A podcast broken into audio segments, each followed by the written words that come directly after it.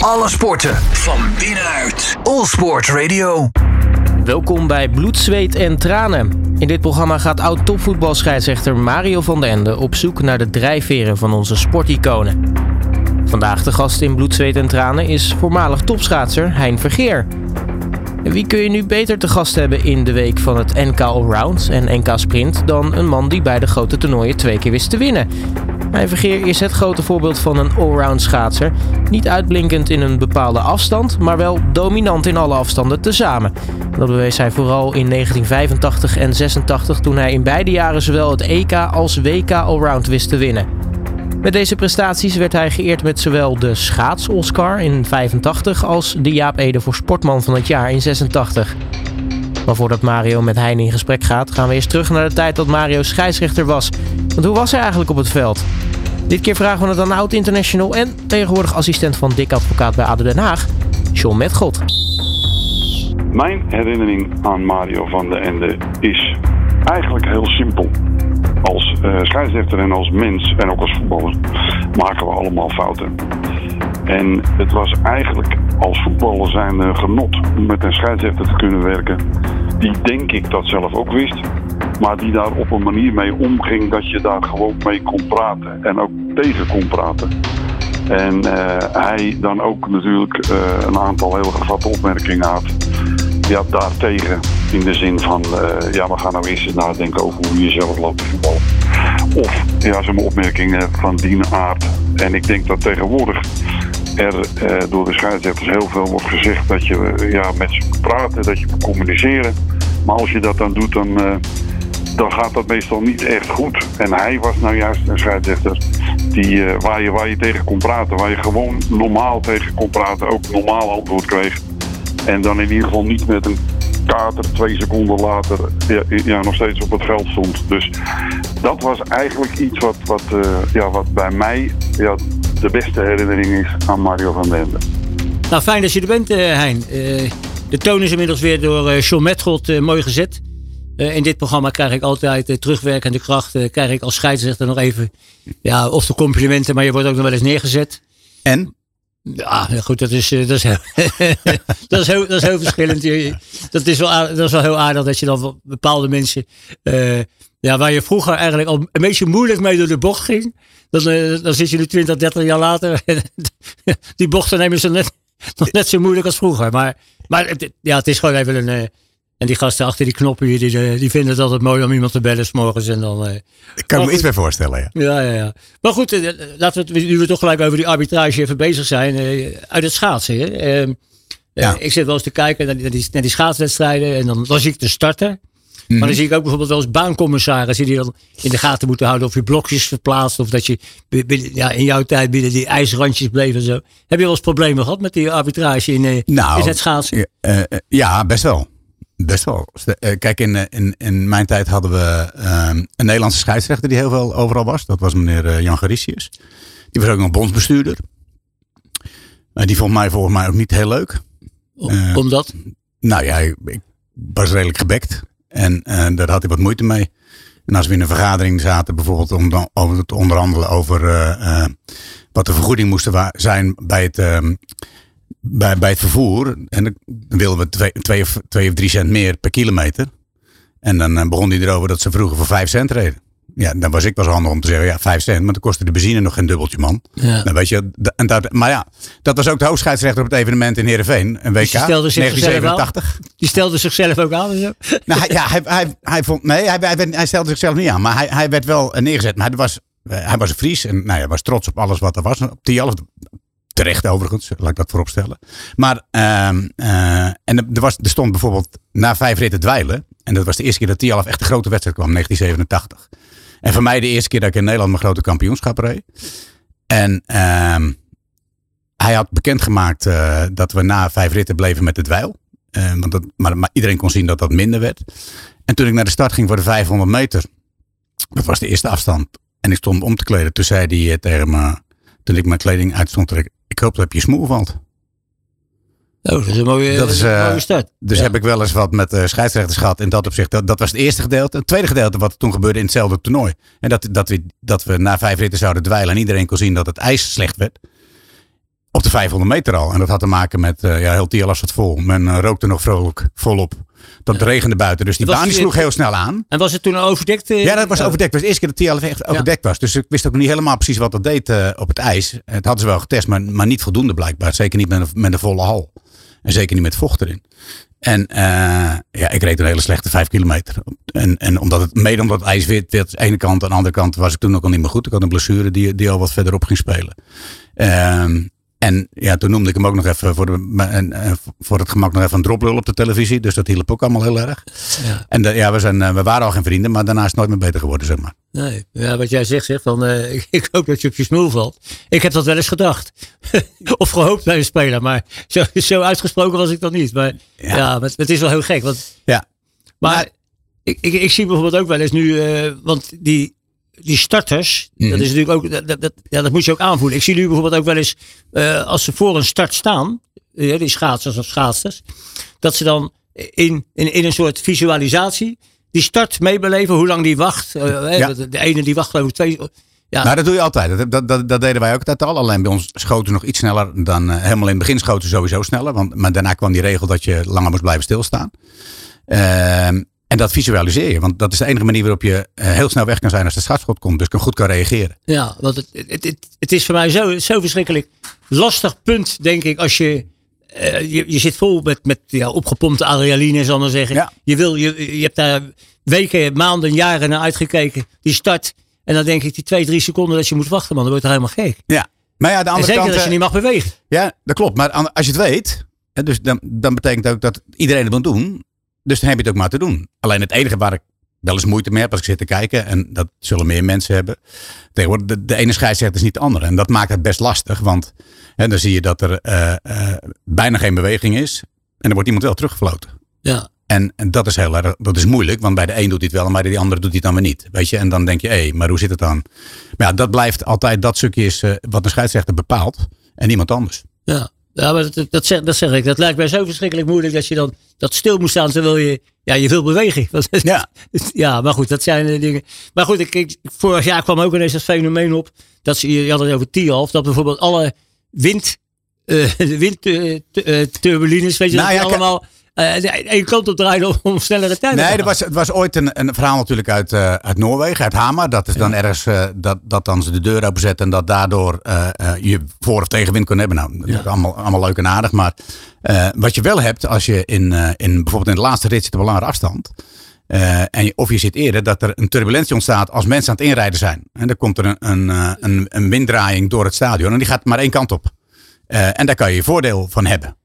Uh, en in Tialf, daar was toen, uh, zeker rondom de periode met corona, dat, je, dat er eigenlijk niemand meer uh, in dat stadion zat. Ja. Werd er gezegd dat er de ventilatoren die onder bij het ijs zaten, dat die op die manier zouden draaien. Nou ja, dat is, dat is niet waar. Dat, okay, dat, okay. dat, dat, werd gedacht. En daardoor, omdat, maar omdat mensen harder reden, was mede omdat ze in de, in de rijbaan ook volop bezig waren. Ja, maar goed, in jouw tijd, hè, laat we gaan even terug in die tijd. Uh, laten we, ja, je bent jouw hoogtepunten uh, midden jaren tachtig, ja. de vorige eeuw. Ja. dat zeggen we er even bij. Ja, dat is een paar jaar geleden. Ja, een paar jaar geleden. Maar uh, ja, jij had helemaal geen last van, uh, ja, van die turbines, zal maar zeggen, van die, van die turbulentie. Jij, jij had de elementen. Jij ja. moest, uh, ja, jullie, reden, jullie buiten. buiten. Ja, wij ja. reden buiten. En, en daar kon je wel eens de pech hebben, zeker als er grote kampioenschappen hier in de buurt waren. En dat je heel veel last had van regen en wind en noem maar op. Ja. En uh, ja, dan kon je wel eens een paar afstanden kwijtraken. Omdat je gewoon net even wat meer wind had dan een ander. Of wat slechter weer, wat regen. Uh, ik moet zeggen, als je echt op natuurreis reed, zoals in Noorwegen of Zweden. Ja, daar was dat een beetje anders. Maar ja, daar had je gewoon uh, wedstrijden met min 30 gereden. Om het idee te geven, dat is best koud. Ja, en zeker als je nog een keer je eigen snelheid ontwikkelt. Dus dan, dan en hoe laat je op die, in, de, in de dag zat, uh, des te kouder het werd ja, dat, dat hielp niet echt mee, moet ik heel eerlijk zeggen. Maar toen had je nog wel dat je als beste als eerste startte. Nu zie je dat de beste als aan het einde starten. Op zich ook wel mooi voor het toernooi, want er blijft de spanning erin zitten. Anders is het heel vroeg weg. Ja, ja. Um, dus nu hebben, ja, en uiteindelijk hebben de toppers dan toch altijd wel dezelfde omstandigheden. Die zitten in, in een aantal ritten die dicht bij elkaar zitten. Ja, ja maar goed, als je dus ziet wat een enorme evolutie dat schaatsen heeft meegemaakt.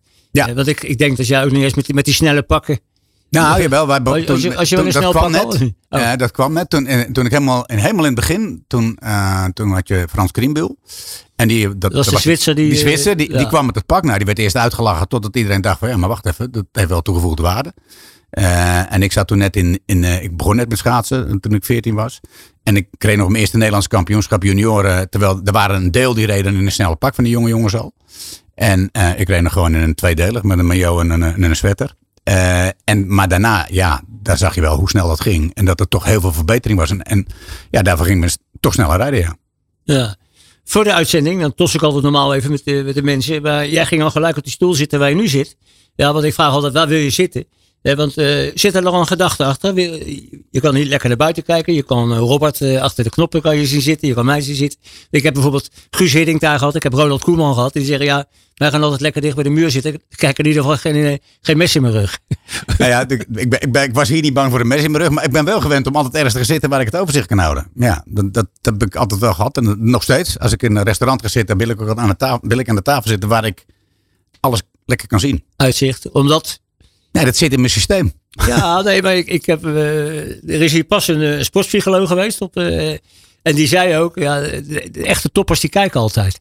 Die zijn altijd bezig met kijken. Die zijn altijd bezig. Die zit, die zit nooit naar beneden te kijken. Die Nee. willen overzicht houden. Dus dat vind ik wel leuk dat, dat, dat jij dat er ook even aan, aan refereert. Weet je? Want ik, ik noem het wel Toon Gerbrands, Robert Eenhoorn, Ronald Koeman. Ja, het is allemaal op dat plekje. Ja. Het is allemaal dus het overzicht houden. En dat, ja. Eh, je bent van het eh, bouwjaar 61. Je bent Ja, ook eh, inmiddels ben 61. 61, ja. ja. Ik zag je net aankomen lopen en toen dacht ik van, hé, hey, die is nog super fit. Ja. Nog in de sportschool te vinden, op het ijs te vinden, op de fiets te ik- vinden. nou, de- op de ijs, op de, op de fiets niet, maar hardlopen wel. De twee keer in de week hardlopen. Eén keer meestal een kilo, kilometer of zes en de ander twaalf. En ik zit een keer of vier, vijf in de week in de sportschool. Gewoon lekker een uurtje trainen. En eh, ja, weet je, dat, ik heb in mijn periode, na mijn sportcarrière, een paar keer eh, periodes niks gedaan. Nou, daar ben ik niet vrolijk van. En eh, ik vind het gewoon heerlijk om eh, s s'morgens de dag te beginnen met lekker te sporten. Oh, dat bedoel je gelijk 's morgens vroeg al een Ja, maar een, een beetje afhankelijk van hoe laat ik. ik begin meestal eigenlijk heel vroeg in gedurende de dag met me allemaal mail te doen. En dan, en dan ben ik daarmee klaar en dan ga ik daarna lekker sporten. Een uurtje naar de sportschool en heerlijk mijn kop leeg. En daarna begint de dag weer. Ja, ja, inmiddels uh, dooit het alweer een gaatje of 7, 8. Hè? Ja, En twee weken geleden lag eh, Nederland bedekt onder een dun ijslaagje. Is dat bij jou dan ook gelijk? Dat je, dat, ja dat- nee, dat dan sta ik wel op het ijs, ja. ja. Dan moet ik wel eh eh, huppatee die dingen onder en, eh, en het ijs op.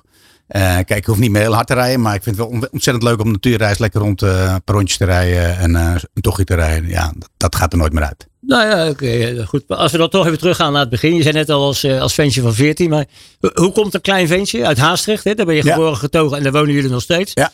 Haastrecht, voor degene die een beetje topografie, Gouda, Woerden, Ouderwater is. Die Ja, dan een beetje eh, A12 rechtsaf. eh, Ja. Als je vanaf Den Haag komt. Klopt. Ja. Eh, Krimpen naar Waard heet het geloof ik. Hè? Het is krimpende water. Ja, tegenwoordig, ja, oké. ja, dat zijn we ja. helemaal. ja.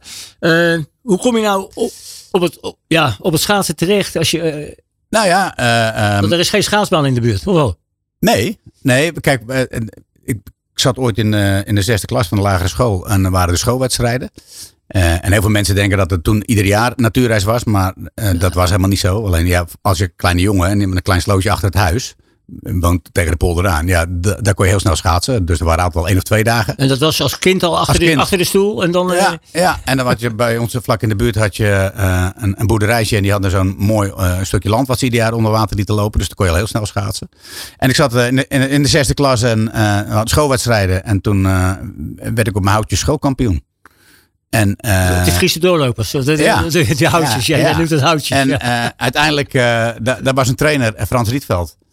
En die deed jeugdschaatsen al toen de tijd. En die zei van, joh, eh, kom jij niet op schaatsen? Ja, dat wilde ik wel heel graag. Maar ja, ik was de jongste van zes. En we hadden, de, we hadden thuis geen, eh, geen centjes. De- en ik zei tegen mijn vader, joh pap, eh, ja, ik wil wel graag op schaatsen. ja jongen, dat is leuk, maar dat gaat even niet je zo. een groot gezin? Ja, de jongste van zes. De jongste van zes. En ehm, ja, hij zei, als je dat wil, moet je er zelf wat voor gaan doen. En toen heb ik twee krantenwijken genomen. Een smorgens en smiddags. En die centjes die bij elkaar verdiende, werd ik lid van die ijsvereniging. Alleen dat was pas twee jaar later. Want toen, ja, toen hadden, had ik de centjes bij elkaar. Oké, maar dat talent, dat werd Ja, talent was er wel, ja. En dat werd ook wel herkend. Hè, door die, Ja, ja. ja. En toen, eh, dat- eh, ja goed, dan ga je verder. Ja, en dan, Eh, dan, weet je, en ik hield heel erg van het leven. En ik voetbalde ook nog. dus, bij de voetbalvereniging Haastrecht. ja, bij VVA. Ja. Kon je dat ook een beetje? Nou ja, ik schopte er toch een stuk of 25 per jaar in. Ja, Dus ik, maar ik kon heel hard lopen. En Ja. toen ik, hoe meer ik nou met het schaatsen ging trainen, hoe harder ik kon schieten.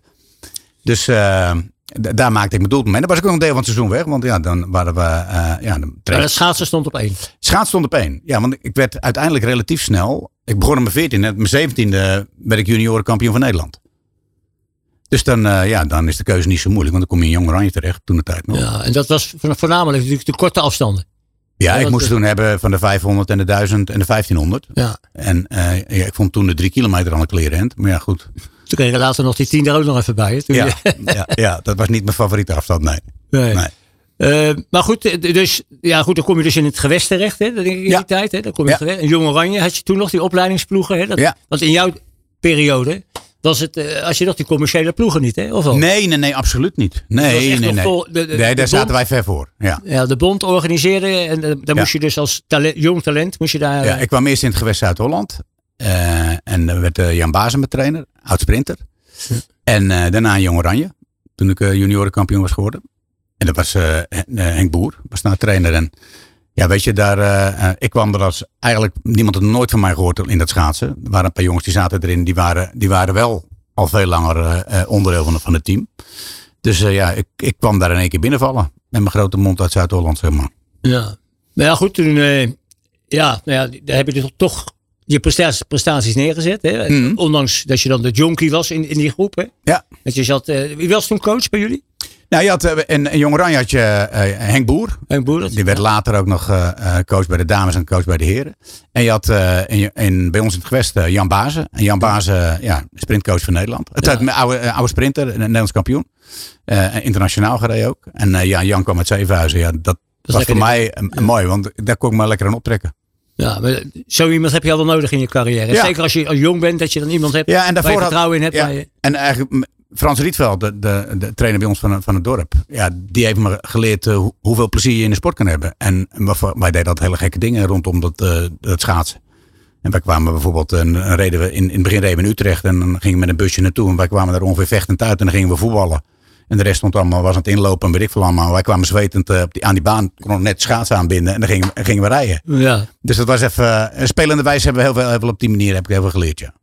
We gaan straks eventjes, eh, toen je dus in de kernploeg kwam, hè, dat heet Mhm. de kernploeg. Toen kwam je dus met een beetje de oude rot, hè, Hilbert van der Duim, Iep Ja. Kramer, Ja. Frits Schaleiden. kwam Piet Kleine nog zelfs. Piet Kleine. Nou, Ja. kun je nagaan dat, maar goed, daar gaan we het straks even over hebben. En dan gaan we dus ja, je prestaties gaan we richting Sarajevo. Hè, je eerste Olympische Spelen waar je een deel mocht nemen. Dat waren niet de, de meeste. Nou, dat is klein, eh, nee, maar niet de meest succesvolle, laat ik zo nee, ik zo niet alleen voor jou. Nee. Maar heel, heel- dat was ik geloof de enige Olympische Spelen waar het Nederlandse team geen me- medailles Nul. had. Geen Nul medailles, ja. ja. Ja, en dan, eh, maar goed, jij niet eens een, een- niet eens een, eh, een diploma, hè? niet eens bij de eerste zin. Nee, maar goed, komen we straks nog even op terug. Want eh, we gaan eerst even naar je eerste muzikale keuze luisteren. Van, eh, je hebt gekozen voor Danny Vera, Ja. het nummer Rollercoaster. Ja, Eh, aardig nummer van, van Vera, die dat nummer niet eens uit wilde brengen als, si- als single. Terwijl het geloof ik 161 weken in de single top 100 heeft gestaan. Dus, fantastisch nummer.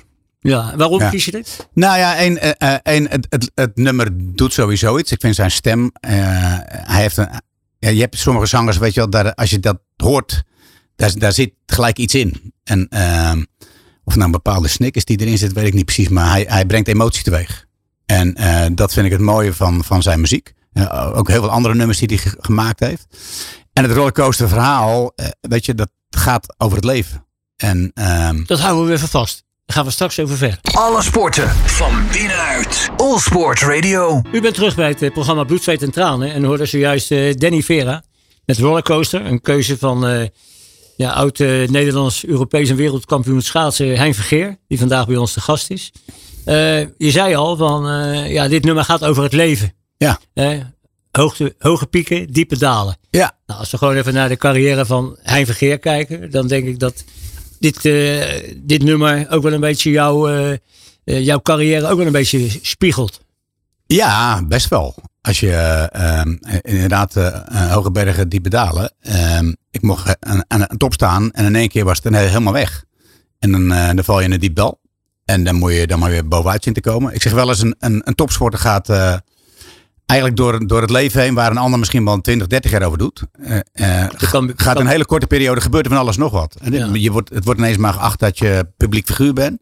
Eh, je krijgt alles en iedereen overheen. Iedereen heeft over je heen. Iedereen heeft een mening over je. Ja, hoe ga je daarmee om? Ben je in staat om daar boven te gaan staan en alleen bij jezelf te blijven? Ja, want, En dat is soms best wel eens lastig. ja, want in 1985 en 86 werd je zowel Europees kampioen als wereldkampioen. In 1986 werd je zelfs als opvolger van, eh, van Joop Zoetemelk werd je nog eh, sportman van het jaar. Ja. Die medailles bijvoorbeeld en dat, eh, dat beeldje, die eh, Jaap Eden en zo. Nou, die Jaap Ede heb ik wel thuis staan. En, eh, en ik ben, ik ben, word ook nog de Oscar Matisse. Dus dat is zeg maar de schaats-Oscar. Wel eens, ja. Eh, maar al die medailles, die, eh, ja, ik weet niet precies waar ze liggen, moet ik heel eerlijk zeggen. ja, nou, ja, dat, dat, ja. dat nou, ik heb hier, de ik heb hier ook nog geen mensen gehad die ze om hadden hoor. Daar zitten Nee, nee. nee. Maar, eh, nou ja, goed. En toen, eh, ja, toen viel je nog eens een keer op je, op je heup, geloof ik. En toen Ja. dacht eh, eh, Uiteindelijk leverde dat een blessure op waar, waar ik niks meer mee kon. En dat, Ja. ja. ja, dat, dat zijn al, weet je, je voelt dat zelf wel, maar dat het, het meest moeilijk is om. gewoon in en- een trainingsrondje, een tempo rondje ja, waar jullie rijden. op Tialaf, Tialaf hadden ze net overdekt en dat lag best heel veel bouwvuil op de baan. En ja, ik ben gewoon onderuit gegaan omdat mijn schaatsbot was in een tempo rondje. En dan, ja, je kan duizend keer vallen en er gebeurt er niks. En, eh, en blijkbaar was dit net de druppel op een misschien al ontstaande blessure. Waardoor het uiteindelijk niet meer ging. Ja, En niet voldoende bloeding in mijn, in, doorbloeding in mijn, in mijn bovenbeen. Waardoor je ja, heel snel verzuurt en dan houdt het op. Ja, maar ja goed, het is, dan heb je coördinatieverlies waarschijnlijk. Hè? Ja. Dat, je, hè, dat je het gevoel, het gevoel ben je kwijt. Want ik, ik hoor ook wel eens dat, eh, dat, dat schaatsers ook nog wel eens eh, in gesprek met het ijs gaan. En het gevoel met het ijs gaan. Dat, Nou ja, dat was- dat- dat kwam sluit natuurlijk heel nou. Ja, ik heb zelf eh, één keer op Norgen gestaan en toen... Dat was de laatste keer ook. Ja, zo, ja zo'n beetje. Ja, dat is de tweede keer, de eerste en de laatste keer. Ja. Maar goed, maar eigenlijk dat, eh, dat, dat lichaam van jou, hè, dat, eh, op dat moment deed het niet meer wat, wat het wilde. Denk Nee. ik. Ik denk wat je, dat- Nee, dit, kijk, je- je- schaatsen is een hele is echt een co- coördinatiesport. En Ja. Dus je moet, dat, dat moet precies kloppen. En ik voelde mijn voet niet sporen bijvoorbeeld. En, dus die, die deed niet wat ik wilde. Nou ja, dat was niet zo gek, want het, de, de, de functionaliteit was er een beetje uit. De coördinatie was weg. En dan, ja, dan wordt het niks meer. Want als je dan verzuurt, ja, dan wordt het alleen maar er- erger. En dan gaat het nog een keer erger in je kop zitten. Waardoor je uiteindelijk ja, die prestatie nooit meer kan leveren. Ja, maar je bent wel doorgegaan. Want Nou ja, je, wil. ik, die- had- ik, toen ik eh, voor de tweede keer kampioen werd, toen eh, zei ik van één ding is belangrijk. En we waren aan Sarajevo geweest op de Olympische Spelen in eh 84. Dat was Nou, hadden we, nee, hadden we met z'n allen inderdaad nul medailles gewonnen. Super. Fantastisch. En eh, toen heb ik voor mezelf, ja, maar ik, dit is wel een platform waar ik ontzettend graag wil presteren. Dus ik heb met Gemsen toen ook afgestemd. Oké, maar waar willen we naartoe? was jullie coach. Ja, Gemsen werd toen de coach, hè, want eh, na de Spelen toen gingen de coaches eruit. Eh, sterker nog, toen ik de, de, de Spelen reed, hadden we twee coaches. En die wilden allebei mij coachen. En me misschien ook niet. En die stonden elkaar voor de kop te slaan langs de ijsbaan. En zo slecht was de sfeer ook in het team. Er was echt ongelooflijk veel ruzie. En toen kwam Gemser en Gemser die, ja, die, die wilde dat je samenwerkte en dat je met elkaar communiceerde. En die ging ook luisteren. Maar wat wil je nou echt? Weet je wel? Je hebt een doel? Ja, nee, ik wil heel hard rijden. Ja, nou gefeliciteerd. Maar eh, wat wil je nog meer? Nou, ik wil misschien wel een Europese wereldkampioen worden. Nou, dat is mooi. En wat nog meer dan? Ja, dat vind ik niet genoeg. Nou, hij zegt, misschien moet je nog iets langer in de, in de toekomst kijken. Ik zei, nou, we zijn net naar die Spelen geweest. Eh, en er was helemaal niks. Ik zei, maar één ding heb ik gezien. Dat is wel een plek waar ik ontzettend graag eh, zou willen presteren. En hebben we dat, uitgestippeld. En eh, als je dan halverwege je traject eh, eh, eh, op een moment komt dat, het, dat je denkt, ja, maar het gaat eigenlijk niet meer zo goed. Dan ga je hopen dat de goede dag nog komt. En die staat er heel af en toe tussen. En eh, ik wilde één ding heel graag op de platform op die spelen staan. En laten zien dat ik, dat ik daar ook heel goed kon schaatsen. En, en dat had je de 1500 meter in je hoofd? Of de Ik 1000 had de, meter? 1500, de, de, de 1000 en de 1500. Dat waren voor mij de belangrijkste eh, eh, afstanden. Het is echt een specialisatie dan. Hè? Dan- En alhoewel ik de 5 kilometer door die tijd en ook heel goed was gereden. want Ik had een Nederlandse score eh, inmiddels in handen. En ik zat dicht tegen het wereldrecord aan.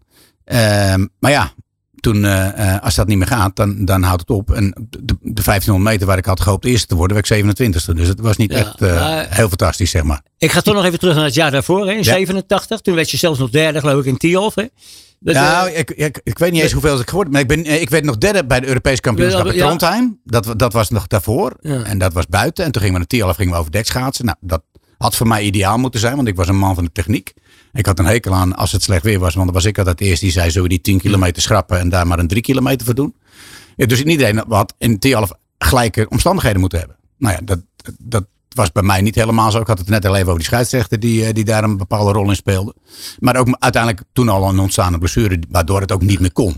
Maar toen heb je ook eh, kennis gemaakt met, eh, met het klapvee, zeg ik altijd, langs de baan. Dat, eh, die, ja, ik ben keerde zich ook op die, ja, die keerde zich tegen jou. Dat was natuurlijk heel Ja, raar. ja. De man die, die ja, toch een aantal jaren voor successen Ja. had gezorgd. Dat je dan door je eigen publiek, hè, op, de thuisbaan, hè, zal ik maar Ja. zeggen, in Nederland. Dat je dan, ik heb zelfs begrepen dat je, dat je zelfs nog een paar rouwkaarten kreeg van Ja. mensen die gewoon... eh, Eindelijk gerechtigheid stond erop. En allemaal was ook zo'n tekst.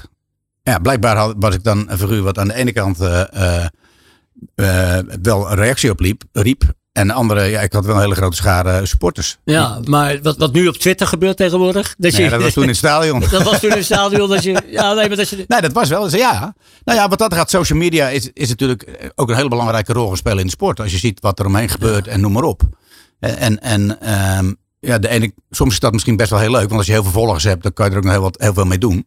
Maar aan de andere kant, eh, eh, als het even iets minder is, dan eh, zijn er heel veel mensen die anoniem even gaan vertellen wat voor ze je wel niet vinden. Ja, dan kregen ze een kaartje van eh Hein, Hein Vergeer Haastrecht. En, Ja. komt- en dat komt er nog aan ook even. Ja, ja, ja, ja, dat sowieso. Ja, ja, ja, ja. toen wel, ja. Dus ja. ja. ja, Twitter en de Juice-kanalen avant la lettre heb, heb je dus al meegemaakt. Ja. Goed, en dan, ja, ik heb toen ook, dat staat bij mij nog steeds bij, omdat ik, eh, ja, we zijn een beetje van dezelfde generatie. Dat ik jou een keer op een eh, uitloopbaantje, op, eh, dus je hebt dat toernooi gereden in Tialf, waar dus het Ja. publiek ook nog een keer uit te fluiten. Jou stond uit te fluiten. En dat je dan op een atletiekbaantje liep, helemaal dat je echt zei, dit is eenzaamheid. Ja, dat, dat, dat- weet je, dat was, het was ook nog slecht weer. Want ik vertelde het straks al, het regende toen in Tio, toen in 87. En ik liep daar op, zo'n, op een atletiekbaantje in mijn eentje. En toen dacht ik bij mezelf, jeetje Mickey. Ja, is dit nou hetgene wat ik dan graag wil? En dat deed zoveel pijn op dat moment. En, en, en omdat, je, omdat je toen eigenlijk tot de conclusie kwam dat die blessure veel meer deed. als dat je dacht dat hij dat die gedaan had. Tot dan toe. En eh, dat je namelijk eh, de angst had dat je niet meer mee zou kunnen. Maar ja, ik liet me toch nog verleiden door mezelf. Om wel ervoor te gaan om eh, op die spelen nog een keer te kunnen presteren. Ja, maar wat je dus al zei, de coach Henk Gemser, die had dus al toch voor een andere mindset gezorgd. Ook een andere teamgeest gezorgd. Mhm. Je had natuurlijk ook de nieuwe generatie hè, met, met Leo Visser, Gerard Kempers kwamen Ja, er toen ook bij. Kwamen erbij, ja. ja. Eh, had je daar ook steun aan? Of, eh, Mm, nee, want dan is topsport keihard. Want als je dan wat minder wordt, ja, dan is het wat makkelijker ook voor de rest van de ploeg. ja. Eh, niet dat het heel vervelend was hoor, dat het even opstellen. Maar ehm, ja, dat, dat is wel de, de, de keiharde competitie die er is. Ja. Eh, als jij niet wegvalt, dan heb ik meer kans. Het Zo, zo, zo redeneert de topsporter Ja, sowieso. En, en dat hoort daar ook wel bij. Ondanks dat niemand me dat gunde, denk ik.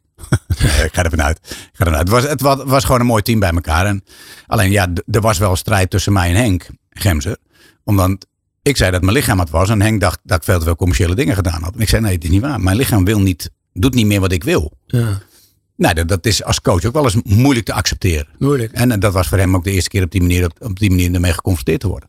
Ja. En jij confronteerde de sportwereld ook eh, met het fenomeen eh, Ted Troost. Ja. Ted Troost, eh, haptonoom. Ja. Hè, waar veel mensen in die periode dachten: wat is dat voor een charlatan? Wat is dat voor een, Ja. voor een vreemde vogel? Ja. Terwijl die juist echt wel door kon dringen tot de sporters. Ik, ik heb hem zelf ook een keer meegemaakt. Toen sprong hij van een tafel op, op mijn rug, omdat ik een rugblessure had. Toen zei hij: Nou, veel succes morgen bij Sparta Feyenoord. Wel gefloten, toch? ja, ik heb wel gefloten. Maar ik, ik kom de trap niet op bij hem.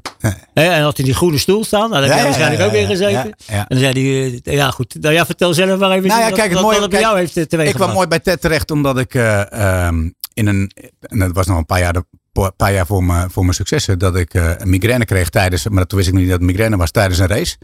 En dat ik, eh, daar moest ik vanaf.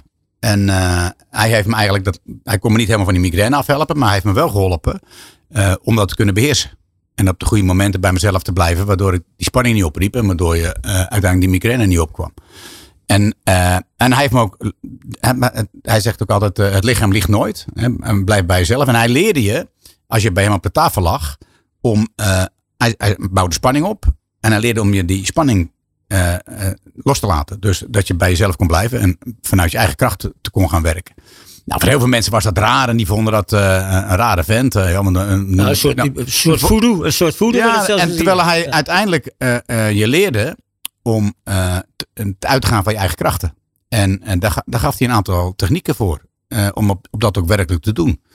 En dat vonden heleboel mensen gek. En tegenwoordig is het heel normaal dat je een sportpsycholoog hebt. Ja. Nou, hij was een vorm van psycholoog. Alleen hij deed het dat deed hij vanuit je lichaam. En vanuit je eigen ontspanning. En uh, uh, ik, weet, ik werd toen wel uitgelachen. Dan zei ze, want toen ooit een keer toen kampioen werd. En ik noemde, ik noemde Ted ook gewoon. Weet je, dat ik heel veel gehad had aan die haptonomie. Waardoor ik ook mede kon doen wat ik, wat ik toen kon doen. Buiten het feit dat Gems er heel veel had gedaan in de trainingsvormen. Uh, en dat lichaam verbeterd was. En dan zei ze, ja, wat gelul zeggen. Wat moet je nou met zijn vent? En uh, Tita tovenaar en uh, charlatan. Ja. allemaal van zulke ja. termen kwamen langs. maar ja, je hebt, er zaten niet de minste bij hem. En door de tijd heen, als je kijkt welke sporters altijd uh, gebruik hebben gemaakt. En de een vindt het lastiger om erover te praten dan de ander. Dus ik zal die naam ook niet allemaal noemen. Maar uh, Gullit en Verbasten, dat kent ook iedereen. Ja, ja. Hij, hij zorgde ervoor dat, dat iemand beter werd. En vooral om vooral zijn eigen ding te kunnen laten doen. Ja, nee, dat, dat, zijn, dat zijn dus bijzondere dingen. Maar ook ja, dat jaar erop, 88, daar stond dus eigenlijk bij jou in de mindset. Daar moest goud gehaald worden. Ja. Die gouden medaille, dat zou jou, jouw eindstreep worden. Ja. je had het geloof ik, ik heb dat eigenlijk nog eens gelezen, ook, dat je het aan je vader had beloofd. Ja. Dat die, die was een paar jaar daarvoor overleden. Ja, ik had in ieder geval, mijn vader overleed in 1979 en, en uh, op zijn sterfbed, uh, dat was ook de eerste keer dat ik juniorenkampioen werd. En toen vroeg hij, wat ga je doen met leven? Ik zei, nou pap, ik wil heel graag toch met die sport verder. Wil graag de schaats. Nou, ja, weet je, dan praat je daarover. En, dus dat is natuurlijk toch best wel emotioneel op zo'n moment. En uiteindelijk, als je dan op het hoogste podium staat, dan komt het bij je terug. Ehm, maar die spelen, ja, op die manier ga je dan ook kijken naar de toekomst waar je naartoe wil. En het, aparte was in die aanloop. Hè, ik, had, ik had 87 gehad en dat, dat ging fout. En toen zei Ted, toen ik terugkwam van, van uh, het wereldkampioenschappen. En die voelde mijn lichaam maar zegt, hij niet om het een of ander, maar dit gaat hem niet meer worden. Die gaf eigenlijk al aan. Die zei al, joh, het, wordt niet, het kan niet meer. Het lichaam is stuk. Hij zegt, kan het niet duiden. Hij zegt, kan, niet, kan het niet zeggen waar het nou precies zit. Maar dit, dit voelt niet goed. Nou ja, goed. Maar ja, dan toch eigenwijs en toch doorgaan. Maar... Ja, eigenwijs? Of is, nee, dat, ja. of is dat het topsportding? Dat is, is denk ik ook de topsportding. Om, om het toch nog te denken van potverdikkie. Opgeven, misschien zit, nee. opgeven komt niet in je op. Nee. Nee, ja. sterker nog, ik ging nog harder trainen om te denken dat ik dan nog harder ging schaatsen. Maar dat was niet zo. Ja, dus niet, niet, niet stoppen in het zicht van de haven. We hebben Nee. nog een jaartje en Nee. dan ga je dus door. Maar eigenlijk sta je dan aan die startstreep, die 1500 meter. En je weet had- misschien in je Ik achterhoofd, werd, ja, ik werd morgens wakker en ik wist dat het niet kon. je wist dat het niet kon. En dan sta je daar. Nou goed, en dan eh, gaat de startschot. Je hebt even een paar seconden gewacht tot die start. En dan eh rij je tegen Erik Vleem. Ja. Nou, Ja, normaal gesproken word ik, word ik hier onbekende altijd... schaatser, want die had dus, ik heb even gekeken, in 85, 86 stond hij niet eens in de, in de ranglijst bij de eerste 24 op de WK's. Ja. En die zie je dan bij wijze van spreken het eerste rondje al wegschaatsen. Wat, Ja. denk, wat gaat er dan? eh, Zak je dan Nee, net was voor mij, het was na twee stappen was dat best klaar. En dan, weet je, en dan kan je rijden wat je wil, want dat kan niet meer. Dat, als, je, als je geest niet meer eh, zegt van eh, het gaat nog, als die geest zegt, nou, kom op. Maar dat ging ook niet. Ik liet, je laat los en dan is het gebeurd. Ja, Dan is het over. Bijzonder. We hebben hier eh, ja, een aantal eh, topsporters al eh, op jouw plek eh, gehad. En die kunnen ook nog een race of een wedstrijd helemaal navertellen. Marianne Timmer, die Mhm. kan die duizend meter van Nagano helemaal navertellen. Ja. De kruising, het basje in het ijs. Ik heb Kirsten van der Kolk gehad, die, die, die, die roeister. Die kan gewoon 1500 meter roeien navertellen, terwijl ze met de rug naar de finish reed. Ik heb Mark Huizinga gehad, hè, de judoka, die zijn hele partij kan. Heb jij ook nog zo'n race in je hoofd, dat, eh, een succesrace? Of, eh, Nou, dat was, ja, eh, één. Dat was mijn vijf kilometer in, in, in Insel. In 1986. Ehm, en daar reed ik tegen Botjev. Dat was mijn grootste concurrent. de Rus. Ja. Die Rus. En ja, een beetje, en ik had van tevoren mijn race uitgestippeld. Niet naar tijd gekeken, maar vooral wat wilde ik en hoe, hoe wil ik mijn race rijden. En vooral rustig beginnen. En ja, er raakten wel een aantal mensen om me heen in paniek, maar ik niet. Omdat ik wist wat ik ging doen. En ik weet ook precies hoe mijn race opgebouwd. En ik wist ook wanneer ik hem eh, uiteindelijk eh, vanuit een buitenbocht achter hem, heel snel achter hem langs wilde kruisen. En daardoor hem in één keer een, eh, een, eh, genadeklap uit te delen. En dat is ook precies zo gebeurd. Die rit, die, rit die kan ik inderdaad nog wel van mijn neus halen, ja. Ja, dat is ook een. En wij deden vroeger over ook wel hele rare, grappige trainingen. Dan deden we de verbeelding van de 1500 meter. Dat deden we zelfs ook in de kroeg. En dan zeiden we, ogen dicht, go to the start. En dan, je had van tevoren afgezegd welke tijd je ging rijden. En dan kwam je, binnen een paar tienden van die tijd kwam je uit. dus deed, deed je ogen weer open. Ja, dat was ik gefinished. Dat was de finish. En dan, eh, ja, schaatsers. Ik kom er straks eh, naar je tweede muzikale keuze kom ik er op terug. Want het blijven natuurlijk rare types, hè, die schaatsers. ja, je, hele le- je gaat je hele leven maar linksaf. Ja. Dus als je één keer rechtsaf gaat, zit je, Ja, het, is zit niet, je in de het is ook niet heel moeilijk. Om gewoon 100 meter naar links is er niks aan de hand. Ja, nee, oké, heel simpel. maar goed, we blazen even, even wat stoom af. We gaan naar je tweede keuze. Een, eh, ja, een eh, evergreen, eh, The House of the Rising Sun van, Ja. van de Animals. Het, eigenlijk al een nummer uit 1925. Waarom deze keuze? Nou, dat, dat, dat is een, een periode in mijn leven geweest dat ik eh, ehm, op de middelbare school zat en, en mijn studie deed. Gewoon HAVO. En toen was mijn vader al ziek en dat nummer gaf mij gewoon heel veel, ehm, gaf me rust. Dat had ik op een bandrecordertje staan en dat, dat als ik aan het leren was, draaide ik, draaide ik dat heel vaak. En nog iedere keer als dat nummer eh, langskomt, dan komt datzelfde gevoel weer terug eh, in, in, van een periode uit je leven. Ja, En dat, eh, ja, weet je, muziek is emotie zeggen. Dat, dat zegt iedereen. En dat, en dat is, geldt voor mij precies hetzelfde. Dat brengt je wat.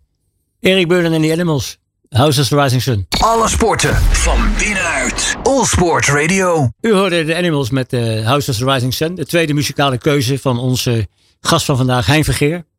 Eh, de oud schaatskampioen. Wees- Ja, voor dit nummer zei ik al, het zijn eigenlijk best wel gekke mensen, die schaatsers. Het hele leven linksaf. En dan zei jij, ja, dat is heel makkelijk. 100 meter, dan moet je inderdaad... Ja, je eh, hoeft niet de weg te onthouden. ja, Ja. Tenminste op een 400 meter baan. Hè? Laten we dat even opstellen. Als je de marathon rijdt, dan is het een ander verhaal. eh, een buitenijs en zo. Ja, ja. We hebben het eh, eerder gehad over eh, ja, de- dat, dat het schaatsen enorm geëvalueerd is. Hè? De, jij was net in de tijd klapschaats, ja of nee? Daar was jij geloof ik niet echt een voorstander van. Hè? Nee, maar dat, uiteindelijk is dat heel logisch te verklaren. Dat is Ah, in bedrijven verklaar precies. Nee, maar in bedrijven natuurlijk precies hetzelfde. Eh, eh, aan de top verander je niet zoveel. Verandering komt altijd van onderaf. En, eh, en we hadden toen een professor van Inge Scheenau en, en Henk Gemser. En Henk geloofde erin, hè, want die, ja, die had vanuit zijn achtergrond als, als, als coach en, en als trainer de, die, die inspanningsdingen wel gezien en wist wat het lichaam deed. Ja, wij waren 1, 2 en 4 op de grote kampioenschappen. En dan komt er een meneer binnen met een beetje eh, verward haar eh, en een brilletje op. En dan ga je er wel een sok aan. En die ga je Dat, eh, vertellen dat je secondes per ronde hard- harder kan gaan rijden. Soort Cat Wiesel die dan zegt wel, Ja, weet je, dan heb ik. Wij hadden zoiets, ja, tuurlijk. Nou, arm op elkaar, weet je, je weet net hoe het gaat. Zes eigenwijze boeren een rijtje, dat heet kernploeg, die precies weten hoe de wereld in elkaar steken. voetjes in het zand. Ja. Ja. En dan, en de- ja, die, ik heb een half uur op die dingen gereden. Overigens, allemaal in de ploeg, hè, want dat lukte eigenlijk niemand. eh, op dat moment, omdat die, ja, de, eh, de mechanismes waren nog niet goed genoeg. Hè, uiteindelijk, gelukkig is dat wel gelukt. Maar dat begon bij het gewest Zuid-Holland, bij de jeugd. Ja, want- en, en, en die jeugd ging harder rijden dan al die andere jeugd in Nederland. Toen de dames in het gewest Zuid-Holland. En toen kwam Tony de Jong en Barbara Loor. Die werden 1 en 3 op de Europese kampioenschappen. En die, die wonnen in één keer van de Oost-Duitse dames. Nou, daar kon je. Nou, dat kon niet. Daar Ja. kon je in principe niet van winnen, om wat voor reden dan ook, zeg maar. En eh, eh, ja, daarna kwamen de heren, want zelfs toen nog, Rintje en um, um, Rintje Bart Veldkamp, die waren ook nog kritisch. Ja, totdat het in één keer tot de denken kwam dat het misschien toch wel heel erg ging helpen. En vanaf dat moment is het heel hard omhoog gegaan. Dus dat die verandering, eh, ja, dat is lastig. En, en die heeft wel voor een hele grote boost ge- gezorgd in tijden. Hè. Er, is een, er zijn tijden voor de, voor de klapschaat en tijden na de Ja, klapschaat. Ja, ja. ja, dat is een totaal andere. Ja, wereld. andere wereld, ja. We proberen in dit programma heen, proberen we altijd een beetje de persoon achter de, ja, achter de microfoon ja, te ontdekken. Ik heb geprobeerd wat eh, persoonlijke kenmerken op een reisje te zetten. En ik vraag je erop kort te reageren. Ja. Als ik denk aan Hein Vergeer, dan denk ik aan iemand die enorm gedreven is. Ja, dat klopt. Ja. Als ik ergens voor ga, dan ga ik ook ergens voor, ja. Ja, Positief is ingesteld. ja het glas is altijd half vol. Nooit half leeg. Ja, Hoe slecht het ook gaat, maar ik ben onwijs positief ingespeld. Ja, Ja. Maar ook wel eens heel vol, toch? Dat, dat glas. Hm? Ook wel eens heel vol, dat glas. Niet altijd half. ja wel heel veel. Nee, maar ik bedoel, eh, heel veel mensen eh, gaan naar de benedenkant en ik ga altijd naar de bovenkant. Oh, Ja. Als het ook een stuk minder is, weet je, jongens, er zijn altijd nog heel veel mooie dingen. En hoe kunnen we nou weer verder naar boven gaan? Altijd mee bezig. Iemand die snel reageert. Ik ben, eh, Inslapen, inslapen gebeurt bij jou niet. Nee, niet zo heel erg. En- jouw antennes staan altijd aan. absoluut. Houdt niet van excuses. Nee, ik ben niet van iemand die zegt van eh, ja, maar dus en zo, zo. Nee, ik zeg nee, ja, oké. als ik- En als ik een fout maak, maak ik fout. Weet je, dan moet ik zo eerlijk zijn dat het, dat het niet goed was. En dan zeg ik, ja, er, waren misschien wel omstandigheden, maar ja, het is niet anders. Je zei het net ook al een keer in de, voordat we naar de Animals luisterden. Toen zei je van, eh, als sporter had ik weinig twijfels. Ik wist, wel, ik wist wat ik deed. Ja. Ja. En dat heb ik in, dat- Zat het er als kind ook al in? nou, ik, als dat, of het als kind er al in zat, weet ik eigenlijk niet zo precies. Of is dat na successen gekomen bijvoorbeeld? Eh, Je, je hebt ook wel eens... Nou ja, ik heb, ik heb eh, eh, ook in, mijn- in mijn schaatscarrière, eh, ondanks het feit dat ik om 17 junior, juniorkampioen werd, duurde het nog vrij lang dat ik werkelijk aan de top kwam. Eh, maar ik heb ook nooit getwijfeld of ik dat nou wel ging halen. Alleen ik had langere tijd nodig, dat wist ik wel. En dat, op- ja, dat doe ik met, met heel veel dingen. Als je ergens voor gaat, dan, en, dan ga je er echt voor. En als je die, die stap mee wil zetten in een ander, dan kom je ook op je plek. Eigenzinnig? Dat denk ik wel. Ja, dat hoort Ja, er wel bij, denk ik. Ja, ja. Daar kun je heel, heel oud mee worden. hè. Dat is Ja. geen probleem. Nee, daarom. Niet, sne- niet snel tevreden?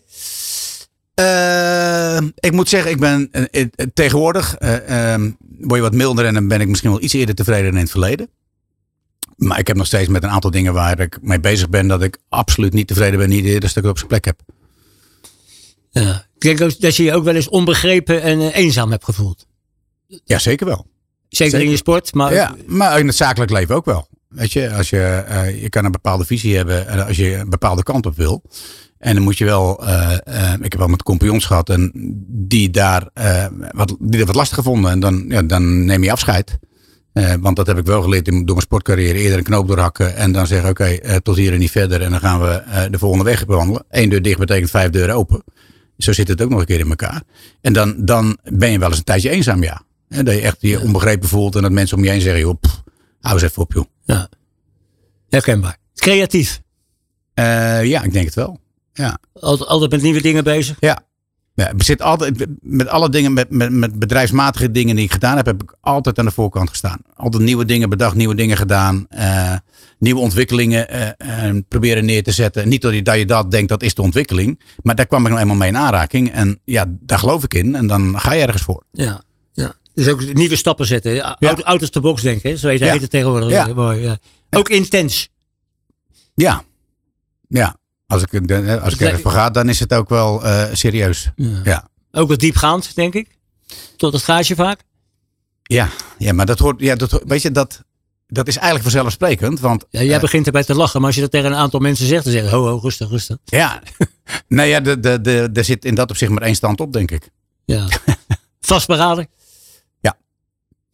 Ja. Toch ook wel een beetje gereserveerd. Dat je toch een beetje... eh, Nou, dat heb ik wel door de tijd heen geleerd. Ik was nog wel eens eh, in het verleden te enthousiast dat ik dingen al vertelde eh, waar ik mee bezig was. En dat, dat het eigenlijk veel te vroeg was. En dan stoot je nog een keer je neus. En dat dan uiteindelijk een ander daarmee wegloopt. Ja, dat is dan de constatering en dat is niet anders. Dus het dan, in dat opzicht ben ik wel gereserveerder geworden in, in een te snel van alles nog wat maar vertellen waar ik mee bezig ben. idealistisch. Op een aantal fronten, ja. Gevoelig ook wel. Eh, ja, aan de buitenkant lijkt misschien minder als, eh, eh, als mensen die me echt van dichtbij hebben. Die weten dat ik ook wel gevoelig kan zijn. Ja, ja. Nou, dat hebben we een aardig reisje gehad zo. Dat, ja dat is een mooi rijtje. Ja, mooi. En, eh, heb je zelf nog eigenschappen toe te voegen dat je zegt, nou, die mis ik? Of dat je zegt, Carolien, de vrouw, eh, je vrouw, en eh, of jullie die twee, jullie twee dochters. En, Ja, je, je hebt inmiddels een klein kind ook. Dus, Ja, nee, mijn vrouw vindt me dan wel eens ongeduldig. met de dingen die ik doe. Maar dat komt door dat intense waarschijnlijk. En dat je, ja, ja, en weet je, En dan, dan, aanstaat. dan, Ja. gaat, dan ben ik veel bovenop. Zeg je, doe eens even rustig aan. Neem even, en dat, die krijgt dan, krijgt dan altijd een tikje terug. Neem er nou eens even tijd voor. Denk er even over na. Ik zeg tegen mijn vrouw altijd, ik ben proactief, schat. Ja, ja. Nou ja, dat, oh, dat is misschien een goeie. Die ga ik even. Die ga Ja, ik die kan je gewoon, ja, ja, ze luistert Ja. toch niet, joh. Ja. Ja, maar, maar, dat zijn wel, wel dingen, ja. Dus je denkt nu dat de, de mensen die naar dit programma luisteren, Hein Vergeer weer ietsje beter kennen. Dat is wel prettig. Ik denk het, ja. Ja, dat, dat, dat is alleen maar goed. Maar goed, we hadden het net even over dat afscheid van je. Hè? Dat eh, ja, eigenlijk niet zoals je het dus jarenlang gepland had. Hè? Een beetje roemloos, als ik het even net mag zeggen. Want de grote schaatsen die dan... Is het dan ook zo dat je... Een, be- het was medisch onverklaarbaar, hè? Wat jij net zei. Henk Op dat moment, ja. Henk, Henk zei van... eh, het, zit misschien tussen je oren. Ja. En, zelf zei hij al, het voelt niet goed. Eh, Ja. en, en, en jouw vertrouwenspersoon Ted Troost had ook al gezegd van... eh, doe maar niet. Eh, dan, dan, dan ben je eh, in Calgary. Dan steelt Yvonne van Gennep de show. Hè? Ja. Drie keer goud. Ja. Die andere jongens met wie jij schaatst in de kernploeg... die haalden ook nog zilver en bronzen. Ja. En vissen. Ja. En dan eh, kon je daar dan een beetje van genieten. Toch nog? Ehm, Of ben je dan helemaal in je eigen bubbel? En, eh, Nee, ik kon ook wel eh, eh, genieten van, van eh andermans prestaties. Ik ben niet zo iemand die dan een ander helemaal niks gunt. Helemaal niet zelfs. Maar ik had natuurlijk gehoopt dat ik dat zelf was. En, en misschien is het wel, als je later terugkijkt, is de teleurstelling groter als het moment. Ja, dat klinkt heel gek, want ik, ik wist al dat, het lichaam niet meer kon. ja. En dan, dan, dan is er een berusting. En dan vind je mooi als anderen presteren. En ja, van Yvonne vond ik natuurlijk fantastisch. Ik bedoel, Yvonne staat heel dichtbij me. En, en, en- die heb je wel eens je kleine zusje genoemd, hè? Of, ja, maar, en, en nog steeds wel. Weet je, ik, we, zien elkaar regelmatig en eh, we spreken elkaar regelmatig. En dat is, dat is altijd goed. En, en, en het gaat over en weer van hoe kijk je hierna en hoe kijk je daarna. En dat, dat, is, dat is leuk om, om dat op die manier te blijven delen. Ja. Maar goed, dus je hebt dus kennis gemaakt met die keiharde wetten van de topsport. Hè? Ja. Duim omhoog, duim omlaag. Want eigenlijk meer is het dus niet. Ja. Ja. Goed, einde loopbaan. Hè? Dan heb je die, die schaatsen nou ja, figuurlijk in de hoek gesmeten waarschijnlijk. Ja. Ja. En toen ben je eigenlijk dat zwarte gat binnengestapt. Of viel dat eigenlijk wel mee? Of had je... Nee, ik, ik, ik Die ben creativiteit waar we net over nerg- nergens in een zwart gat terecht. Heel goed, dat nee, eh, ik- probeer je ook een beetje uit te Tijdens halen. mijn sportcarrière, toen, eh, toen ben ik al bij, eh, bij op dat moment Alweer Sport gaan werken, Puma. En eh, daar heb ik er een scheidslijn opgezet met kleding. En daar, onder die noemen werd het een sportmarketingbureau. Eh, samen met Ron Mulder toen de tijd. En eh, dat werd de referee sportsmarketing. En ja, dat heb ik een aantal jaren gedaan. En toen ben ik weer doorgestapt. Eh, we gingen een andere kant uit. De kampioenschap ging uit elkaar. En je hebt de begonnen met relatiemarketing eh, evenementen. Verder uitgebouwd. En, en toen ben ik weer aangesloten bij een andere club. Dus ik, ik heb iedere keer wel een stap gezet. Dat deden we de opening van Amsterdam Arena met alle evenementen eromheen. En daarna werd het Vergeren Verweerdenburg. En dan was een marketing- en communicatiebureau op een veel bredere ba- basis. eh, waarin wij eh, enerzijds eh, heel veel evenementen deden. Kleine 250 evenementen per jaar. En op de top hadden we 60 man in dienst. En daar ben ik in, in 2002 uitgestapt. En daarna ben ik ja, iedere keer weer nieuwe dingen gaan doen. En anno 2022 op de brug naar 23. Nou, als we kijken, ik ben vanaf 2007 bezig gehouden met vitaliteit. Ik kwam in een televisieprogramma De Afvallers XXL terecht als coach. En ja, weet je, er, er waren heel veel mensen die daar in dat programma terechtkwamen en die moesten afvallen. Was hun laatste hoop een televisieprogramma om daar nog een beetje eh, eh, ja, goed uit te komen. Ehm 140 deelnemers, 14 mensen diabetes, 42 mensen die medicijnen gebruikten. En na zes maanden begeleiding voeding, beweging, leefstijl. Eh, het televisieprogramma ja, was, niet, eh, was waardeloos, zeg maar. Maar ehm gebruikte helemaal niemand meer medicijnen.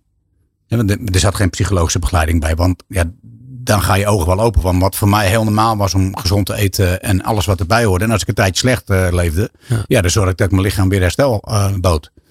En eh, vanaf dat moment denk ik van ja, maar hier moeten we echt wat aan gaan doen. Nou, aangeklopt bij de overheid om te kijken of we daarmee wat konden doen. Nou, die vonden dat hij dat zelf maar moest doen. Want als je dat allemaal zo goed wist. op dat moment aangeklopt bij, bij grote verzekeraars, zorgverzekeraars. Die waren niet geïnteresseerd in gezonde mensen. En eh, dus vanaf dat moment ben ik daarmee aan de gang gegaan. Resulterend in eh, eh, ja, dat ik bedrijven adviseerde op dat gebied. En toen mijn oude compagnon Sander van Weerdenburg, toen wij uh, Vergeer van Weerdenburg hadden als communicatiebureau, die stapte in, een, uh, in de wereld van, uh, van supplementen, voedingssupplementen, uh, vitamine, mineralen, in samenwerking met DSM. En uh, die zei, wil jij bij ons ambassadeur worden? En daar ben ik toen ingestapt. En ik ben inmiddels aandeelhouder geworden. En wat we vooral kijken, hoe maak je nou, hoe breng je mensen nou bij dat ze verantwoordelijk zijn voor hun eigen lichaam en de gezondheid. En dat van een directe uh, geliefde in hun omgeving. En dat, een groot deel is educatie. Hoe neem je, hoe en zorg dat je voldoende en gezonde voeding binnenkrijgt. Nou, gezonde voeding, daar is natuurlijk heel veel over te doen. Maar wat is nou echt gezond? Als we kijken naar het groente en fruit wat we zouden moeten eten van het voedingscentrum. En waar ze gelijk in hebben wat je moet hebben. Maar het gros van de mensen eet het niet. Want dat halen ze niet. Uh, en daarnaast is het zo dat er veel minder vitamine en mineralen zitten in, in het groente en fruit wat we tegenwoordig uh, eten. Heeft mede te maken dat het sneller op tafel moet staan vanuit, vanaf het land. Het moet sneller in de supermarkt liggen. En broccoli bijvoorbeeld is gewoon bijna 60, 70 procent minder voedingswaarde dan in het verleden. Dus je moet het, je moet het aanvullen. Nou, daar richten we ons op enerzijds. En anderzijds hebben we een heel platform waarin we, wat we naar bedrijven brengen. En waarin we bedrijven meenemen. En, en vooral de mensen van wat is nou voor jou belangrijk? Wat is voor jou belangrijk? Wat is voor jou belangrijk? Dus een stuk persoonlijke inbreng daarin. En daar sturen we op. We ja. geven educatie en, en suppletie. Zoals wat, uh, nou, ik denk dat ze in ieder geval een goede ambassadeur aan je hebben. En ik denk dat je hier nog maar eens een keer uh, terug moet komen om dat helemaal nog eens ja, uit te leggen. Ja, er is heel veel over te vertellen. Ja, ja nee, inderdaad. Het, uh, ja je, je, hebt mij nu al vier minuten stilgekregen. Dus dat, dat, dat is heel wel. Uh, het uurtje, dat, dat vliegt om met jou, Hein. Ik, uh, uh, ja, voor jou ligt al een tijdje een, een gele en een rode kaart. Ja. zijn er nog mensen of organisaties aan wie je een gele of een rode kaart zou uit willen delen? Want jouw voorgangers maakten er heel gretig gebruik van. Ja, een gele en een rode kaart. En, ja, en, en ik zou um, bijna willen zeggen een, een gele kaart aan de voedingsindustrie. Uh, omdat die wel roepen dat ze er heel veel aan gaan doen om gezonde voedsel op tafel te zetten. Uh, en uh, ze zelf regulerend geven, aangeven te zijn. En ik ben van mening dat dat nog steeds niet zo is. Dat de mensen heel onwetend zijn. En daardoor allerlei verkeerde dingen binnenkrijgen. En nu bijvoorbeeld, in, als er in de commercie staat, nu met 30% minder suiker. Nou, dan moet ik even vragen hoeveel suiker er aan toegevoegd is. Hè? Dat, dat, dat brengt heel veel vervelende dingen teweeg. een rode kaart, ja, um, toch wel voor een deel aan onze overheid. ik ben van mening dat we veel te veel betutteld worden. Uh, en dat er overal regeltjes zijn waardoor heel veel dingen niet meer kunnen. Uh, waardoor we de maatschappij een hele verkeerde kant op duwen. Ik denk dat er een paar mensen die een keer met de vuist moeten komen, die met de vuist op tafel slaan. En die zeggen: jongens, maar nou eens even luisteren. Dit gaan we doen. En zo gaan we het ook doen. In plaats van dat we nog 300.000 andere mensen moeten horen of die ook nog wat te vertellen hebben. En waardoor het uiteindelijk nooit een keer wat wordt. Nou, die kunnen ze dan in de zak steken, die rode kaart. Goed, we gaan afsluiten met jouw derde muzikale keuze. Een bijzondere keuze vind ik zelf, omdat Lady Gaga ook een van mijn favoriete performers is. Always, rem Always Remember Us This Way. Ja. Uit de film uh, Star is Born. Ja. Uh, Hein, ik wil je in ieder geval hartelijk bedanken voor je komst, je medewerking, je openheid. En ik wens je in alle gezondheid, uh, alle goeds toe. Uh, voor jou en je gezin. Hè. Je bent uh, sinds kort ook opa, dus dat geeft ook weer een hele nieuwe, nieuwe ja. wending aan je leven. Absoluut. Uh, u bedankt voor het luisteren en ik wens u alvast een fantastische jaarwisseling toe. En tot de volgende uitzending van Bloed, Zweet en Tranen. Wanneer ik weer met een Nederlandse sporticoon in gesprek ga. De laatste van dit jaar, Lady Gaga. Alle sporten van binnenuit. All Sport Radio.